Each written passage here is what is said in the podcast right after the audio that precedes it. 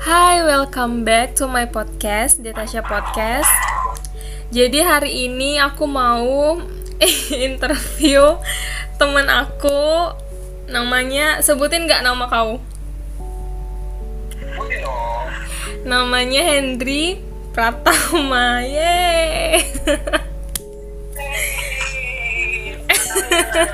jadi jadi Hendry ini um, teman aku dari zaman SMK dari zaman um, ngidol ngidol ngidol jadi wota gitu deh. Wota wota nggak jelas ya Hen.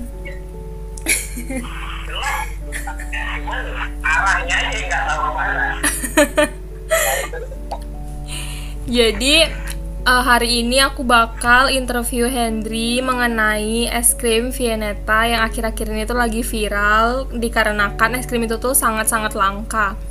Katanya uh, dari berbagai sumber kayak akun gosip, kayak uh, di Instagram ataupun Twitter itu pada bilang kalau misalkan orang yang kerja di minimarket itu tuh kayak nimbun es krim. Jadi es krimnya itu uh, dusnya baru datang terus disembunyiin di freezer. Jadi biar orang nggak kelihatan atau gimana gitu. Habis itu katanya orang itu tuh ini yang apa yang nih salah satu oknum oknum dari karyawan minimarket itu tuh ada yang bilang tuh kayak uh, salah satu dari mereka tuh ada yang nimbun buat dijual lagi ke orang-orang. Nah itu tuh menurut kau gimana Hen? Kalau dibilang uh, kurang tahu ya karena itu udah di luar udah di luar nalar gue lah kita hmm. kalau yang bahasanya dijual lagi ya jadi mereka nimbun sebenarnya bukan bukan dari kata-mata anak rival itu ya yang di tokonya sih enggak tapi ingat sekali lagi ini bukan pembelaan loh ya hmm. jadi um, kata Hendry itu sebelumnya kalau misalkan si Hendry ini dia salah satu karyawan di salah satu minimarket di kota Batam. Jadi kata si Hendry itu kota Batam sendiri itu cuma dapat stok Viennetta itu sekitar 590 hen kotak ya Hen. Nggak nyampe 600 ya. Mm -mm. Makanya itu langka dan aku mau aku uh, di sini posisi aku sebagai customer ya. Jadi aku mau nanya ke kau, um, kenapa kalian harus taruh uh, stok Viennetta itu di freezer, sedangkan uh, di display itu tuh bisa kalian taruh gitu loh. Kenapa harus taruh di freezer? Kan orang kan nggak bisa nemuin. Oh gitu. Uh, ini ya. Saya kita lurusin lagi. Sebenarnya kalau ngikutin matrixnya, apalagi uh, uh, es krim ini hype-nya lagi tinggi. Kalau di tempat aku sendiri alhamdulillah aku masih bisa nge-displaynya itu penuh. Artinya dalam satu kotak itu kan uh, isinya 6 enam enamnya pun panjang kok. Jadi kalian taruh di display ya begitu datang? Langsung kami taruh di atas. Oh. Alhamdulillahnya kalaupun misalnya ada yang kami taruh di bawah artinya kami uh, dapat stok yang lumayan banyak gitu. Mm-hmm. Kalau, kalau memang kami uh, taruh di bawah ya itu tadi stoknya banyak dan yang kami panjang pasti uh, yang mana yang paling laku gitu. Oh. Karena kita supervisi di setiap store mm-hmm. mana yang paling laku pasti dipajang atau di display paling banyak gitu kita. Terus um, apakah dia di setiap store atau di setiap minimarket cabang kalian yang ada di seluruh Indonesia ini yang nggak per, nggak perlu aku sebutin lah. Um, apakah setiap store itu dia punya prosedur yang beda-beda? Kalau prosedur masih sama sih. Kalau prosedur selagi namanya prosedur itu masih sama. Apalagi yang udah setingkat nasional pasti hmm. uh, udah pasti sama satu negara. Ya. Hmm, hmm, yang membedakan adalah uh, program kerja dari setiap uh, atasan. Ada yang um, mungkin di display satu-satu supaya yang lain tetap kebagian. Okay. Dan, jangan sampai ada jangan sampai ada yang libur lagi gitu. Bahkan mm-hmm. kalau aku sendiri menerapkan uh, kepada konsumen untuk tidak membeli dalam kuantitas banyak. Jadi satu orang satu sudah gitu aja. Oh iya. karena kasihan yang lain yang lain nanti nggak kebagian benar-benar sama benar. halnya kayak sama halnya kayak masker sekarang kan. Hmm. rata-rata di katanya masker aja dibatasi satu orang maksimal dua bungkus. Iya sih. Begitu juga dengan begitu juga dengan es krimnya sekarang ini. Gitu sih bu. Oh gitu. Terus baru baru-baru ini aku ngeliat video yang ada di Instagram di salah satu akun gosip di Instagram di situ video itu menampilkan seorang cowok yang rela ngubek-ngubek freezer karena kan uh, banyak yang viral kan bilang kalau misalkan uh, di freezer bawah itu kan kayak storage-nya kalian ya kayak gudang penyimpanan es krim kalian kan Nah itu tuh dia kayak sampai ngubek-ngubek es krim biar nemuin Viennetta yang ada di bawah freezer itu. Jadi kayak es krimnya tuh berantakan banget. Itu tuh captionnya tuh katanya dia demi uh, beliin Viennetta ke pacarnya dia sampai kayak ngeberantakin box es krim gitu. Nah itu menurut kau gimana kalau misalkan ketemu konsumen yang kayak gitu? Yang pertama sih sangat disayangkan ketemu orang-orang yang minim akhlak ya, tapi ya udahlah itu juga udah masa lalu tapi kalau misalnya nih aku lagi di posisi karyawan itu mm-hmm. dengan berani bos ya mm-hmm. karena yang pertama siapa pun orangnya selagi tidak ada surat jalan ada surat tugas yang membongkar gudang kami mm-hmm. itu udah termasuk oh, bahkan di pintu gudang kami aja tertulis selain karyawan dilarang masuk. Benar. Nah, ya, apalagi dengan uh, aktivitas dia yang mengacak-acak uh, gudang kami, itu kan jadi udah melampaui batas sekali itu kan. Mm-hmm. Jadi kalau kalau aku pribadi sih, ya ketemu orang itu. Bahkan aku udah tahu siapa orangnya tapi ya ya udahlah. Dan itu kau pernah ngalamin? Ya urusan dia pakai apa. Alhamdulillah enggak oh enggak alhamdulillah oke okay, oke okay. Sebenarnya enggak karena ya itu tadi kita menghindari kejadian yang sama makanya di di store yang aku tempatin sekarang mm-hmm. aku terapin buat berapa yang masuk dan segitu aja dipajang jangan sampai ada hubungan yang mengarah uh, ke kita kalau kita itu nimbun gitu Oh, oke okay, oke. Okay. Dan aku juga baru tahu dari Henry kalau misalkan Viennetta itu diimpor dari Turki. Jadi itu aku pikir itu ini loh Henry dibikinnya tuh pabriknya di Indo loh. Mungkin kalau dulu iya, kalau yang yang dulu ya kemasan lama yang dulu pernah ngerti pada masa tanya ya buat Indonesia tapi sekarang nggak impor.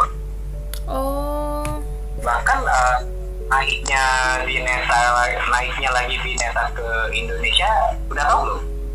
Udah itu kan uh, awalnya Viennetta itu diproduksi ulang kan itu karena permintaan dari masyarakat Indonesia itu tinggi sampai mereka itu kayak bikin uh, apa sih itu um, yang itu loh apa? Yang tanda buat tanda tangan apa? itu. Namanya aduh. Iya petisi. Tanda tangan petisi uh, jadi jadi petisi itu tuh uh, misalkan itu tuh um, ditandatangani sama minimal minimal berapa puluh ribu orang. Tapi yang tanda tangan itu ternyata tuh kayak di atas targetnya itu. Makanya Walls tuh memutuskan untuk produksi Viennetta ulang. Dan katanya katanya sendiri kata Wallsnya Instagramnya sendiri kenapa es krimnya itu lapisannya tuh tidak sebanyak yang tahun uh, sebelumnya tahun 90-an itu karena uh, mereka tuh meskipun lapisannya ya cuman satu lapis doang tapi itu tuh mereka tuh kayak meningkatkan rasa lebih ke meningkatkan rasa. Tapi kalau dipikir-pikir banyak orang yang review dan bahkan kau sendiri bilang kalau misalkan itu rasanya tuh kayak nggak ada spesial-spesialnya kan. Dan kenapa kalau misalkan mereka di Indo itu kayak cuman selapis dan alasan mereka kayak oh biar uh, meningkatkan rasa kok. Jadi uh, satu lapis aja tuh itu tuh kayak nggak ngaruh. Yang penting rasanya sedangkan di negara lain itu dia ada sampai dua lapis tiga lapis. Nah itu gimana? Menurut kau nih? Kalau menurutku sih ya sebagai uh, bukan penikmat es krim kalau aku sih biasa aja gitu melihat uh, bentukannya kayak gitu. Tapi yang pertama yang aku bilang tadi uh, sebuah produk apabila ditambahkan dengan uh, rasa atau bentuk atau uh, item-item yang lain yang sekiranya menaikkan cita rasa dari sebuah makanan tersebut kita juga kan belum bisa memastikan kalau makanan itu bakal awet selama perjalanan di logistik mm-hmm. aku bilang tadi ya mm-hmm. yang kedua itu Indonesia Turki kan enggak bukannya dekat ya. benar benar Indonesia Turki itu bukannya dekat bukan kayak lenteng agung kota Senen enggak mm-hmm. oh ya dan juga dan yang sih uh, kalau menurutku es krim itu bakalan enak kalau misalnya ditambah uh, kayak aku kayak sebagai hiasan atau ditambah dengan pancake mungkin sebagai makanan pelengkap sih tepatnya kalau Oke okay, oke, okay. uh, benar sih. Um, dan aku juga mau tanya nih, ada salah satu uh, pegawai di minimarket yang ngejual Viennetta itu katanya um, alasan dia sih kenapa Viennetta itu ditaruh di freezer dan enggak ditaruh di display itu karena katanya itu barang barang rejekan gitu atau barang yang cacat gitu makanya enggak ditaruh di display. Dan banyak banget orang-orang tuh yang ngebalesin postingan itu tuh kayak rada sedikit, julid sih. Kata mereka tuh kalau misalkan itu emang barang reject kan bisa kasih bukti nggak sok mau tanya sama kau apa benar kalau misalkan es krim yang reject atau yang rusak gitu tuh emang kalian tuh emang nggak taruh di display tapi masih taruh di freezer itu gitu. Kalau yang namanya barang reject kita lihat dulu dari fisik luarnya aja. Uh -uh. kalau dari fisik luarnya udah udah tidak memungkinkan untuk dijual atau dikonsumsi baru kita taruh di freezer. Tapi kalau misalnya uh, masih layak hmm. bagus dari fisik luarnya juga bagus mungkin tetap kami mungkin tetap kami pajang bukan oh. mungkin sih tapi kami pajang ngerti ngerti ngerti nah hanya saja es krim ini kan uh, stoknya kan terbatas uh -uh. yang masuk juga nggak nggak banyak banyak hmm Kalau misalnya dalam uh, oke okay lah kami anggap reject, tapi fisik luarnya masih baik. Iya. Yeah. Oke okay, kami, oke okay lah kita kami pajang gitu. Mm. Apabila apabila waktu-waktu nanti terjadi komplain, sementara stoknya habis, kami nggak bisa ngapa-ngapain sementara tidak stok penggantinya. Iya sih. Dan tidak. Hmm uh, agak sulit kalau misalnya kami ganti dengan item yang berbeda itu harus kami konfirmasi ke merchandising di kantor hmm. Dan, dan supervisor yang oke. Okay.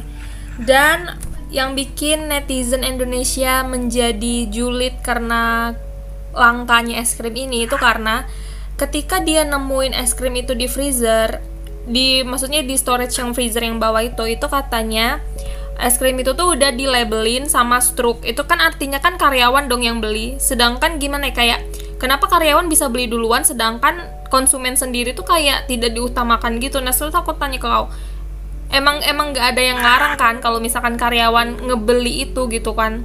Cuman kayak uh, salah satu postingan tuh dia tetap kekeh gitu loh tetap kekeh ngambil Viennetta yang jelas-jelas sudah dibeli sama karyawan yang udah dilabelin struk dan mereka tuh kayak kayak gimana gitu?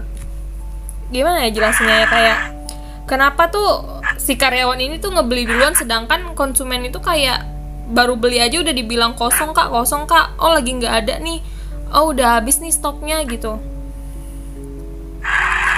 Mas aku kayak kenapa kenapa kalian kenapa kalian tidak membiarkan konsumen duluan deh yang maksudnya yang ngebeli itu gitu? Kan karyawan itu kan harus mengutamakan konsumen tapi kenapa kayak pas datang itu kalian uh, langsung beli duluan gitu? Bukan aku di sini bukan menghakimi cuman karena uh, baca postingan itu aja gitu. Kok jadi gimana gitu. Dan aku juga nggak bisa dengerin di satu sisi doang dong. Makanya aku nanya ke kau sebagai salah satu karyawan di minimarket itu gitu. Kalau kita mau ngomongin orang lain lah. Kalau mm -hmm. aku pribadi ya. Uh-uh. uh, kalau aku pribadi aku bilang ngeliat kejadian kayak gitu aku no comment sih. Aku oh, gitu. komentar apa-apa. Tapi kalau aku pribadi yang kenanya eh, apa sorry kalau kenanya ke aku yang ke aku langsung uh. mungkin aku kasih aja sih karena biasa aja gitu. Walaupun hype-nya tinggi hype-nya ya ya hype-nya lagi tinggi-tingginya nih. Uh. alhamdulillah sih enggak terlalu tergiur dengan apa yang ngetren sekarang. Jadi kalau emang jual ya jual aja gitu iya sih benar. Dan lagian kan kayak ya tergantung karyawannya juga sifatnya kayak gimana kan. Maksudnya itu tidak tidak semua karyawan suatu minimarket meskipun cabangnya sama tuh sifatnya sama semua kan gak gitu ya? Mungkin cara perlakuannya tuh beda gitu kan. Ini beda. Oh. tapi kalau tadi nggak ya kalau misalnya satu konsumen nemuin struk apa nemuin es krim itu di dalam freezer. Hmm. dan sudah di label struk artinya sudah dibeli karyawan. Oke okay. dan uh, dan karyawan pun berhak untuk nitip es krim yang mereka beli di freezer itu kan? Toh mereka nggak naruhnya di display kan? Mereka naruhnya di bawah display itu kan? Naruhnya di bawah ya di bawah di freezer. Maka itu sekali lagi itu bilang tidak ada yang berhak mengobrak abrik gudang kami selain merchandising dari uh, supplier itu sendiri atau karyawan di store tersebut. Nah ini aku lagi baca komentar nih. Lalu um, ada yang bilang gini, kenapa nggak taruh di gudang aja? Emang gudang nggak ada kulkas? Kenapa harus ditaruh di freezer?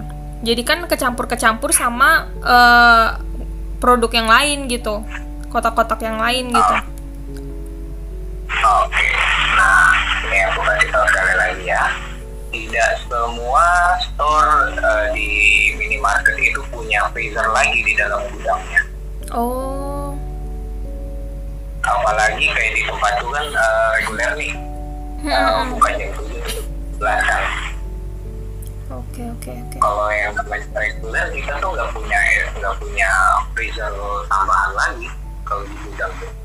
Nah, nah, kita balik kita lihat lagi. Kalau misalnya di stok tersebut uh, yang spek kita bilang uh, 24 bahannya store itu 24 jam lah tuh. Nah, yeah. biasanya tuh udah punya freezer lagi tuh di uh, gudang. Hmm. Biasanya kalau nggak produk khusus, atau ya item-item yang stoknya banyak tapi harus dijual eh, harus di diolah dan diproses eh, ya harus diproses lagi di area toko. Nah itu punya tempatnya sendiri itu di gudang. Oh, ada freezernya. Nah kalau misalnya es krim tersebut ditaruh di freezer belakang ya apa apa tapi kalau yang nggak punya ya mau nggak mau harus taruh di situ kan. Hmm, hmm, hmm, hmm. logikanya es krim itu kan nggak mungkin kita taruh di locker. Encer dong iya sih benar. Jadi kalau misalkan um, soal yang nimbun penimbun itu itu nggak benar ya? Selagi tidak ada karyawan yang kedapatan menjual lagi, aku masih berani bilang tidak ada karyawan yang akan menimbun toh kalau misalkan menimbun produk dari perusahaan tempat kita kerja kan itu kan kalian pasti juga kena sanksinya dong ya kan? Pasti pak nah, nah itu. itu sudah kompetisi Oke, jadi sudah clear tidak ada nimbun penimbun. Dan satu lagi, aku tadi sebelum telepon kau, aku ada ngeliat video baru-baru ini terjadi di salah satu minimarket tempat kau kerja juga tapi mungkin cabang lain ya di daerah lain itu ada kayak pencuri gitu dia kayak uh, nyuri semua produk-produk mahal gitu kan dimasukin ke dalam jaketnya dan itu kata mbak-mbak yang mergokinya itu dia sampai nangis dia sampai bilang setiap bulan itu karyawan situ tuh yang uh, nombokin atau yang ngebayarin barang-barang tuh yang hilang di store itu gitu loh. Itu emang gitu ya? Kalian kalau misalkan ada barang yang hilang atau barang yang dicuri gitu itu kalian selalu nombokin gitu ya? Dipotong gaji gitu. Jelasin detailnya aja langsung. Ini karena kebetulan teman gue yang nanya nih. Oke. Okay. Ya, jadi kalau di perusahaan kita, uh -uh. dari perusahaan kan, uh, dari sales per bulan, uh -uh. di ya, sales per hari dikali 30 eh, uh -uh. satu bulan lah ya. Uh -uh. Nah, nah setiap perusahaan itu kan ada budget-budgetnya. Uh -uh. Ada budget untuk uh, barang rusak, ada budget untuk barang expired. Ada budget untuk barang-barang uh, digigit tikus. Nah itu tuh beda-beda tuh ya. Yang hmm. mana rusak, yang mana tikus, yang mana expired. Itu hmm. budgetnya beda-beda. Hmm. Dan ada lagi budget untuk uh, nota barang hilang. Hmm. Nota nota kurang dan lebihnya. Hmm. Nah sebenarnya dari hitungan dari setiap hitungan salesnya itu, itu ada persentasenya hmm. untuk barang rusak segini untuk barang expired segini untuk barang hilang segini oke okay. nah nah kita sebagai uh, pimpinan si toko eh, store kita tuh uh, setiap bulannya dituntut untuk menghitung dan mengendalikan budget-budget uh, eh mengendalikan barang-barang yang uh, rusak harus tidak melebihi budget hmm. itu tugas hmm. apabila terjadi terjadi sebuah over budget gitu hmm. setiap persentase tersebut hmm. di situ di situlah uh, letak di mana karyawan itu harus nombok gitu oh ngerti ngerti ngerti maka dari itu di setiap bulannya kita sebagai pimpinan si toko tuh harus ngitung dulu uh, berapa rupiah dari dalam sebulan lalu dihitung uh, rupiahnya per dihitung rupiahnya berapa budgetnya dan segitulah dapat hasilnya segitulah yang harus kami pakai oh jadi jadi tidak serta merta karyawan ngomong enggak ada persentasenya kok hmm. nah apakah pernah di store tempat kau kerja itu ada kayak kejadian orang ngutil-ngutil barang? Sampai kalian Wah, nombok? Ada dong. Banyak. Uh, dibilang banyak, nggak terlalu sih. Tapi alhamdulillahnya masih bisa terkontrol. Hmm. Karena kalaupun misalnya uh, over budget dan sudah ada tanda-tanda indikasinya hmm. dari rekaman kan bisa diambil tuh. Mm-hmm. Nah dari, dari, dari situ kita bisa bikin berita acara aja kalau itu uh, bukan sebuah tindakan eh, bukan sebuah kelalaian dari gimana ya? Bukan memang termasuk kelalaian dari tim toko. Hanya saja ini sudah termasuk sindikat. Sudah di apa? Sudah direncanakan dan hmm. sudah di luar kendali anak toko gitu. Oke. Okay itu yang buat yang pencuri yang gak ketahuan iya waduh iya untuk pencuri nah, kalau yang ketahuan pergokin aja udah dan kalian pernah nggak ngepergokin orang yang ngutil-ngutil barang gitu? Kalau di tempatku sih alhamdulillah yang tempatku yang sekarang sih alhamdulillah belum ada. Karena aku oh. baru pindah dari yang ke ke tempat yang sekarang. Kalau dulu uh, sekitar tahun 2016 aja aku pernah mergokin anak-anak. Maling pomet sih. Waduh dan itu iya. dan itu kalian uh, gimana cara cara ngingetinnya atau cara hukumnya biar mereka tuh kayak jerah sama kelakuan mereka dan mereka nggak ngulangin di store-store lain gitu selagi uh, pelaku tersebut masih di bawah umur mungkin uh, yang pasti kami akan kami selesaikan dengan cara kekeluargaan Pak. Mm-hmm. Tapi kalau udah yang udah 17 tahun ke atas udah kami proses hukum aja lah. Oh, Tapi dan kalau dari kalau dari pengalaman teman-teman gue sih ya, mm-hmm. bagi proses, uh, proses hukum itu memang agak ribet juga. Jadi tiap hari tuh bikin berita acara terus gitu. Oh, dan ini dan pernah nggak selama kau kerja di tempat itu tuh kayak uh, nemu customer yang rese atau yang aneh atau yang unik gitu? Alhamdulillah banyak yang kayak gitu. Dan itu biasanya kan, ya, biasa kami jadikan uh, sebagai pelipur lara kami atas uh, contohnya gimana? sekarang, kan. contohnya bulan gimana? bulan puasa. Contohnya kalau di tempat gue sekarang belum bisa gue ambil karena aku baru empat hari di tempat yang sekarang. Gitu. yang lama yang lama nggak apa-apa. Tapi kalau di tempat gue yang dulu ya di tempat gue yang dulu paling kalau kayak model-model itu pelipur laranya anak-anak eh, anak-anak PP yang kerjanya di pabrik baru udah udah asik tuh buat diajak ngobrol deh apalagi cewek. Pagi-pagi pulang petang pengennya masuk siang aja tuh Oh maksudnya yang dari pabrik itu yang ini ya yang suka apa yang truk gede yang angkut-angkut barang yang suka turun di depan minimarket itu? Si abang-abangnya itu. Kalau anak sini turun dari pabrik tuh kerjanya uh, naik bis. Oh. Masa ya naik? Anjir oke aku mau nanya apa lagi ya? Hmm, kayaknya itu aja deh Hen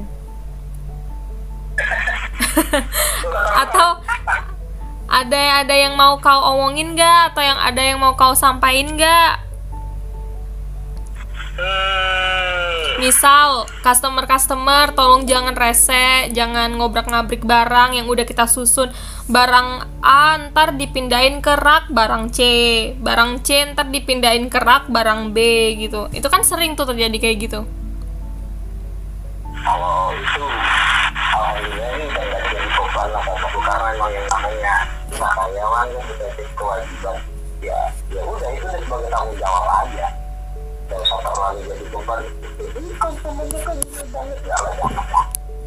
Karena aku sendiri, aku pribadi, aku itu sering kalau misalkan beli beli barang nih, kita udah jalan misalkan di rak Indomie, terus kayak misalkan eh, kita ambil nih Indominya, terus kita kayak mikir ah ini tuh kayak nggak perlu, lagi nggak perlu, lagi nggak perlu banget buat dibeli, terus ntar aku eh, tiba-tiba udah sampai aja di rak barang snack kan, terus aku taruh aja situ di barang-barang snack gitu, di deretan snack-snack, padahal itu tuh bukan rak barang itu gitu.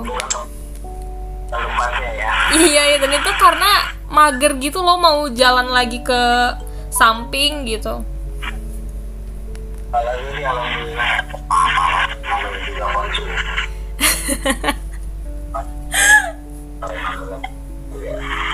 Ya,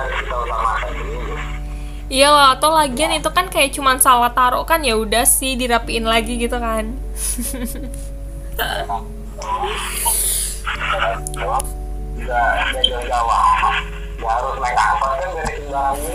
iya sih.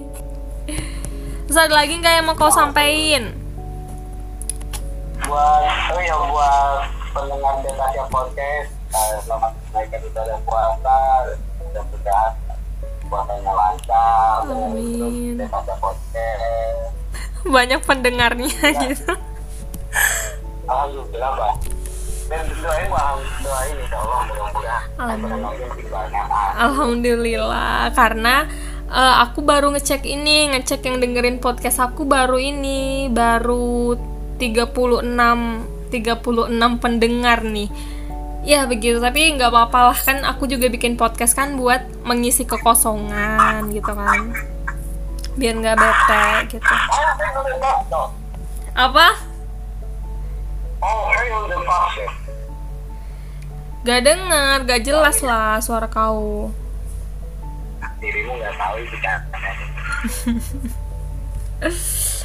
Oke, sampai di sini aja dulu podcast aku. Mungkin next podcastnya aku bakal ngobrolin sesuatu bareng si Henry lagi. Jadi, thank you buat yang udah dengerin. Aku juga mau ngucapin selamat menunaikan ibadah puasa. Apa, Hen? Terima kasih. Eh, ya, Ah. ngomong kan udah lama nih kita nggak kerja di media ya. Heeh. Sekarang dirimu punya wah banget ini ya. Apanya? Iya, dulu kan kita pernah kerja di media di Mading ya kan. Oh iya. Awal Nah, stop, stop, stop. Itu akan kita bahas di podcast selanjutnya karena ini udah 30 menit oke terima kasih udah ngedengerin. Bye bye